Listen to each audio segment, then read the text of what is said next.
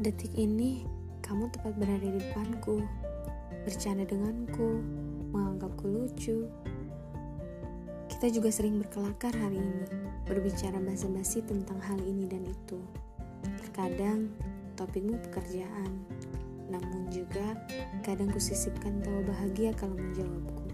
Menurutku, aku menunjukkan hasratku, tapi entahlah, apa kau juga merasakannya, atau ternyata kamu memang biasa saja.